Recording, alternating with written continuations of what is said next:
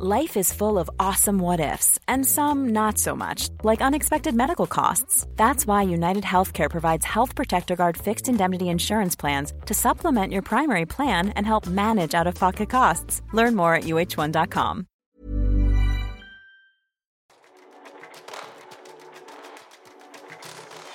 Hei og velkommen til Teknologitrender, serien som tar et entusiastisk, men også et kritisk blikk på hvordan teknologi og digitalisering endrer og påvirker våre liv og næringsliv. Episoden presenteres av Episenter, Oslos hub for digital innovasjon og et økosystem for innovative selskaper i vekst. Gå inn på episenteroslo.com og bli medlem du også.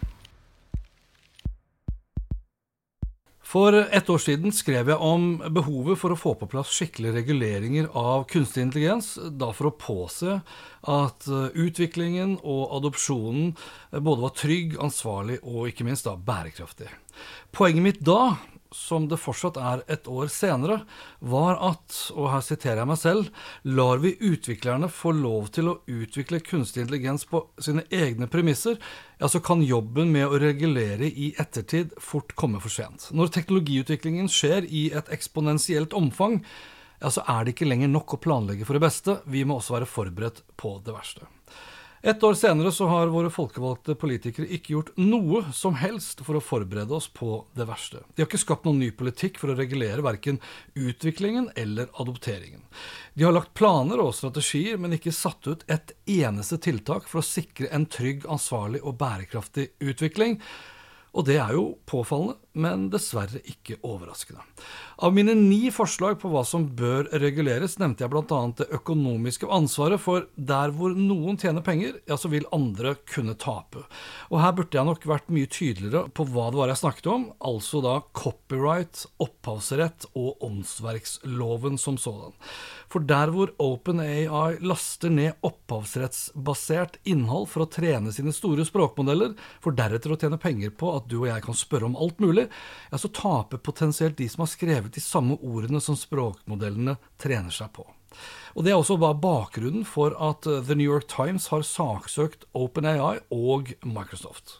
Avisen vil ha en økonomisk kompensasjon for at det innholdet som deres journalister skriver, og som da koster penger å produsere, ja, det skal OpenAI betale for, både å trene på, men ikke minst la oss som kunder få lov til å bruke i etterkant. Men et søksmål i USA vil antageligvis ikke ha så veldig mye for oss her i Europa, eller da i Norge, å si som sådan, fordi våre respektive lover hva gjelder opphavsrett og åndsverk, skiller seg veldig fra hverandre. Mens amerikanerne har sin Fair Use Act, så har ikke vi et tilsvarende lovverk. Den nærmeste loven som blir relevant da relatert til slike store språkmodeller og generativ kunstig intelligens, ja, det er faktisk sitatretten. Fair use-loven tillater, på samme måte som sitatretten, begrenset bruk av materiale som er beskyttet av opphavsretten, uten tillatelse fra den som har rettighetene til innholdet under visse omstendigheter. Disse omstendighetene inkluderer kritikk, kommentar, nyhetsrapportering, undervisning, stipend og forskning. Og fair use vurderes da basert på fire faktorer. Det første faktor handler om formålet og karakteren til selve bruken. Og dette inkluderer da vurdering av om den nye bruken er av kommersiell natur, eller da for ideelle utdanningsformål. Vurderingen ser også da på om bruken er transformerende, altså om den tilfører ny mening, nytt budskap eller nytt formål, i stedet for bare å kopiere det originale verket. Den andre faktoren er eh, bakgrunnen til det opphavsrettsbeskyttede verket. Og Her vurderes det da hvor kreativt det originale verket er, og om det da er publisert eller upublisert. Den tredje faktoren er mengden og substansen av den delen som er brukt i forhold til det opphavsrettsbeskyttede verket som en helhet. Og Dette prinsippet vurderer både det kvantitative og det kvalitative forholdet, altså hvor mye av åndsverket som er benyttet, og betydningen av den delen som er brukt. Bruk av en sentral del, eller da kjernen av åndsverket, selv om det er lite, kan i så måte bli sett på eller ansett som en krenkelse. Og Den fjerde faktoren er effekten av bruken av åndsverket i det potensielle markedet, eller verdien av selve åndsverket. Og Her ser man da på om og hvordan den nye bruken kan påvirke salg, distribusjon eller verdi av det originale verket. Hvis den nye bruken er utbyttbar og konkurrerer med det originale verket, ja, så er det også mindre sannsynlig at det blir sett på eller ansett som fair use. Here's a cool fact a crocodile can't stick out its tongue. Another cool fact you can get short term health insurance for a month or just under a year in some states. United Healthcare short term insurance plans are designed for people who are between jobs, coming off their parents' plan, or turning a side hustle into a full time gig. Underwritten by Golden Rule Insurance Company, they offer flexible, budget friendly coverage with access to a nationwide network of doctors and hospitals. Get more cool facts about United Healthcare short term plans at uh1.com. I'm Sandra, and I'm just the professional your small business was looking for. But you didn't hire me because you didn't use LinkedIn jobs. LinkedIn has professionals you can't find anywhere else, including those who aren't actively looking for a new job but might be open to the perfect role, like me. In a given month, over 70% of LinkedIn users don't visit other leading job sites. So if you're not looking on LinkedIn, you'll miss out on great candidates like Sandra. Start hiring professionals like a professional. Post your free job on linkedin.com/people slash people today. Sitatretten tillater bruk av innhold som er beskyttet av åndsverksloven, men denne retten er mye mer begrenset enn den amerikanske fair use-loven. Sitatretten krever at bruken er i tråd med god skikk og i den grad det er berettiget for formålet. Mengden av det siterte materialet er også da satt opp imot det totale arbeidet, og formålet med bruken spiller også en stor rolle. Sitatretten er mye strengere enn fair use-loven og et søksmål fra f.eks. Skipsted ville nok med stor sannsynlighet endt med at OpenAI ville tapt. I USA og i saken mellom uh, The New York Times og OpenAI og Microsoft altså vil partene sannsynligvis også da fokusere på forskjellige prinsipper fra den samme fair user-loven. Mens OpenAI og Microsoft sannsynligvis vil argumentere for at deres bruk av innholdet til The New York Times er av transformativ art, og at deres språkmodeller skaper noe vesentlig nytt og annerledes fra det opprinnelige materialet, og at det derfor ikke kan vurderes som kopiering. OpenAI vil antageligvis også fokusere på at deres bruk av store språkmodeller, spesielt den delen som er brukt i forsknings- og utviklingsøyemed, ikke er av kommersiell art. I tillegg så vil nok også OpenAI hevde at deres bruk ikke undergraver eller erstatter det originale markedet for innholdet som opprinnelig er beskyttet av åndsverksloven, men at deres løsning heller komplementerer og utvider det innholdet de sånn sett da har tatt i bruk. The New York Times på sin side kommer nok til å argumentere for at bruken av deres innhold, som da ChatGPT har tatt i bruk, er en direkte trussel som undergraver deres marked ved å erstatte behovet for det originale materialet altså da den originale journalistikken, noe som da kan skade deres potensielle inntekter. De kan også velge å fokusere på det enorme omfanget av det opphavsrettsbeskytta materialet som er brukt av den kunstige intelligensen til OpenAI og Microsoft. Og siden både OpenAI og Microsoft tjener milliarder av dollar på deres bruk av denne GPT-teknologien, altså vil nok også The New York Times argumentere for at bruken ikke faller inn under de tradisjonelle aksepterte fair use-kategoriene som forskning, kritikk, nyhetsrapportering eller undervisning. Utfallet av rettssaken mellom The New York Times og OpenAI og Microsoft kan få enorme konsekvenser, men da mest av alt i USA. Her til lands og i europeisk forstand så vil det jo ikke ha noe å si rent juridisk. Men det kan selvsagt få konsekvenser hva gjelder kostnaden for å bruke f.eks. ChatGPT og kvaliteten på tjenesten i seg selv, om f.eks. OpenAI blir pålagt å betale milliarder av dollar til de mediene de sånn sett da henter innhold fra, for å trene opp språkmodellene sine, og til å bruke da i tjenestene ut mot oss som brukere. Her hjemme så tror jeg nok vi må vente på EUs eh, AI Act, som nylig har blitt vedtatt, men som ikke vil bli iverksatt før i 2025. Og I den nye loven så heter det seg at skapere av generativ AI vil måtte offentliggjøre bruk av opphavsrettsbeskyttet materiale, som da brukes til å trene grunnleggende AI-modeller.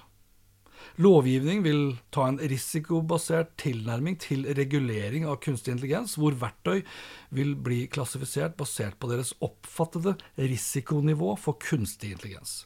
Dette omfatter en rekke tiltak, inkludert krav om åpenhet om hvordan AI-verktøy fungerer og er trent, spesielt da i høyrisikoanvendelser som biometrisk overvåkning eller beslutning som påvirker helse eller andre juridiske spørsmål.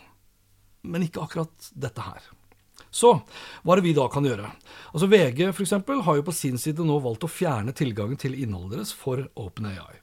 Samtidig så benytter VG seg av ChatGPT til OpenAI for å lage korte oppsummeringer av sine artikler.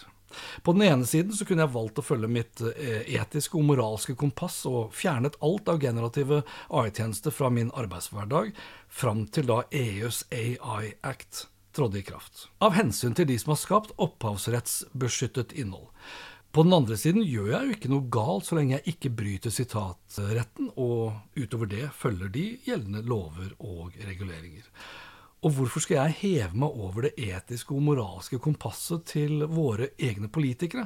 Altså Så lenge verken justisministeren, næringsministeren, finansministeren eller statsministeren advarer på et juridisk eller etisk nivå mot å bruke AI-tjenester som ChatGPT med flere, så kan vel jeg fortsatt bruke de samme verktøyene, og det med god samvittighet. Eller kan jeg det? Jeg burde vel kunne stole på at våre folkevalgte politikere vet hva de driver med, og at eh, de har valgt å ikke lage ny politikk knytta til kunstig intelligens fordi det ikke er nødvendig? Eller burde jeg det?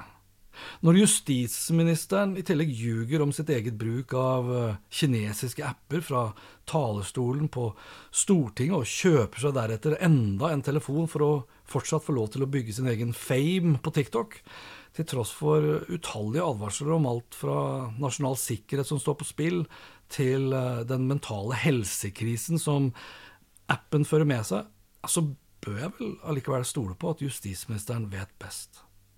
Eller bør jeg det? At verken Forbrukertilsynet eller digitaliseringsministeren mener det er viktig å merke nytt innhold som er skapt av generative AI-tjenester, som da tross alt da har benyttet seg av eksisterende, og gjerne da opphavsrettsbeskyttet innhold, så skal vel heller ikke jeg, eller du for den saks skyld, ha dårlig samvittighet for at vi nettopp da benytter oss av slike tjenester uten å nevne det eller merke innholdet på noe som helst måte. Eller og siden det ikke finnes noen reelle alternativer til de amerikanske aktørene, verken norske eller europeiske, ja, så bør jeg vel heller ikke ha dårlig samvittighet for at jeg potensielt er med på å undergrave opphavsrettsbeskyttet innhold, så lenge jeg da betaler for tjenesten og får god hjelp i hverdagen min til å bli da enda mer produktiv, effektiv og konkurransedyktig. Eller burde jeg ha dårlig samvittighet for det?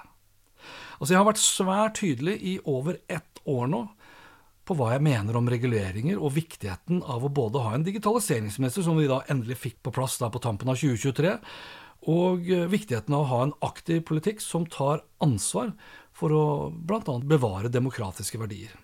Kunstig intelligens kan jo i verste fall bidra til det motsatte, noe mediene da ikke overraskende elsker å skrive om. For de av oss som jobber da med PR og kommunikasjon, så vet vi jo at frykt selger bedre enn fryd, hat selger bedre enn kjærlighet og krig selger bedre enn fred, osv.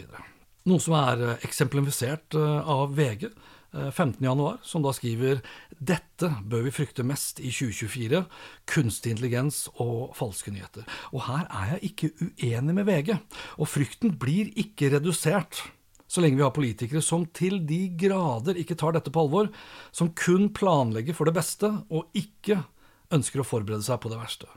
Politikere som gjerne lager strategier, men som ikke eksekverer på disse strategiene. Som gjerne snakker, men ikke handler. Og nå har det altså da gått ett år med mange og tydelige advarsler. Og så langt så har vi vel egentlig bare fått tilbake fra digitaliseringsministeren at dette kan ta tid. Og det vil jeg påstå ikke er godt nok. Selv så kommer jeg til å fortsette å bruke disse tjenestene. Jeg kommer til å fortsette å merke innholdet mitt når jeg da har benyttet meg av generative AI-tjenester, om det så da er til å lage musikk, bilder, videoer eller tekst. I tilfelle denne episoden her, så har jeg benyttet meg av både ChatGPT og WriteSonic til da å hjelpe meg med research og teksten, i tillegg til at jeg har benyttet meg av DALI 3 og Midjourney til å lage illustrasjonsbilde til episoden og artikkelen som sådan.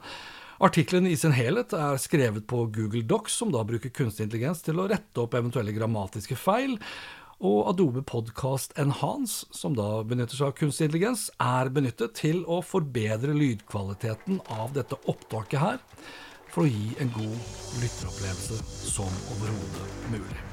Og det var dette for denne gang. Inntil neste episode, vær nysgjerrig, still også kritiske spørsmål. Ikke bli en teknologisjåvinist, for det er den eneste riktige måten å møte fremtiden vår på. Lenker til alt jeg snakket om finner du som alltid på hanspetter.info. Snakkes. Hei då.